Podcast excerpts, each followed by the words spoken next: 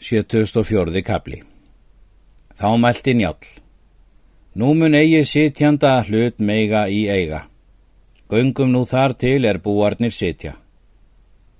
Þeir gengu þanga til og ruttu fjóra búa úr kviðinum en kvöttu hína fimm bjarkviðar er eftir voru um álið Gunnars.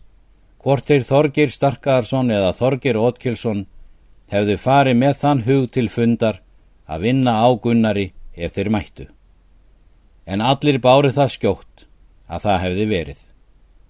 Kallaði njál þetta lögvörn fyrir málið og hvað smundi frambera vörnina nema þeir legðu til sætta. Voru í þessu þá margir höfðingjar að byggja sættana og fegst það af að tól menn skildu geru málið. Ganga hvori tvekju þá til og hansala þessa sætt. Eftir það var gertu um málið og ákveðum fjegjöld og skildi allt greitt þegar þar á þingi. En Gunnar skildi fara utan á kolskeggur og veri í brautu þrjá vetur. En ef Gunnar færi eigi utan og mætti hann komast, þá skildi hann dræpur fyrir frændum hins vegna. Gunnar let ekki á sig finna að honum þætti eigi góð sættin. Gunnar spurði njál að fjeð því er hann hafi fengið honum til varveislu.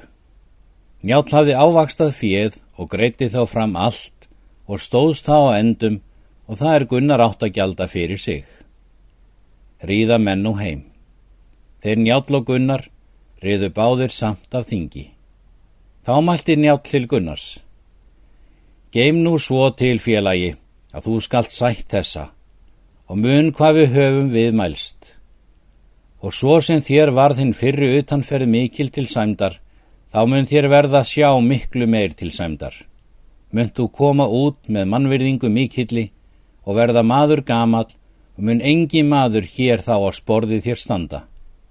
En ef þú ferð eigi utan og rýfur sætt þína, þá munt þú drepin vera hér á landi og er það illt að vita þeim er vinir þínir eru.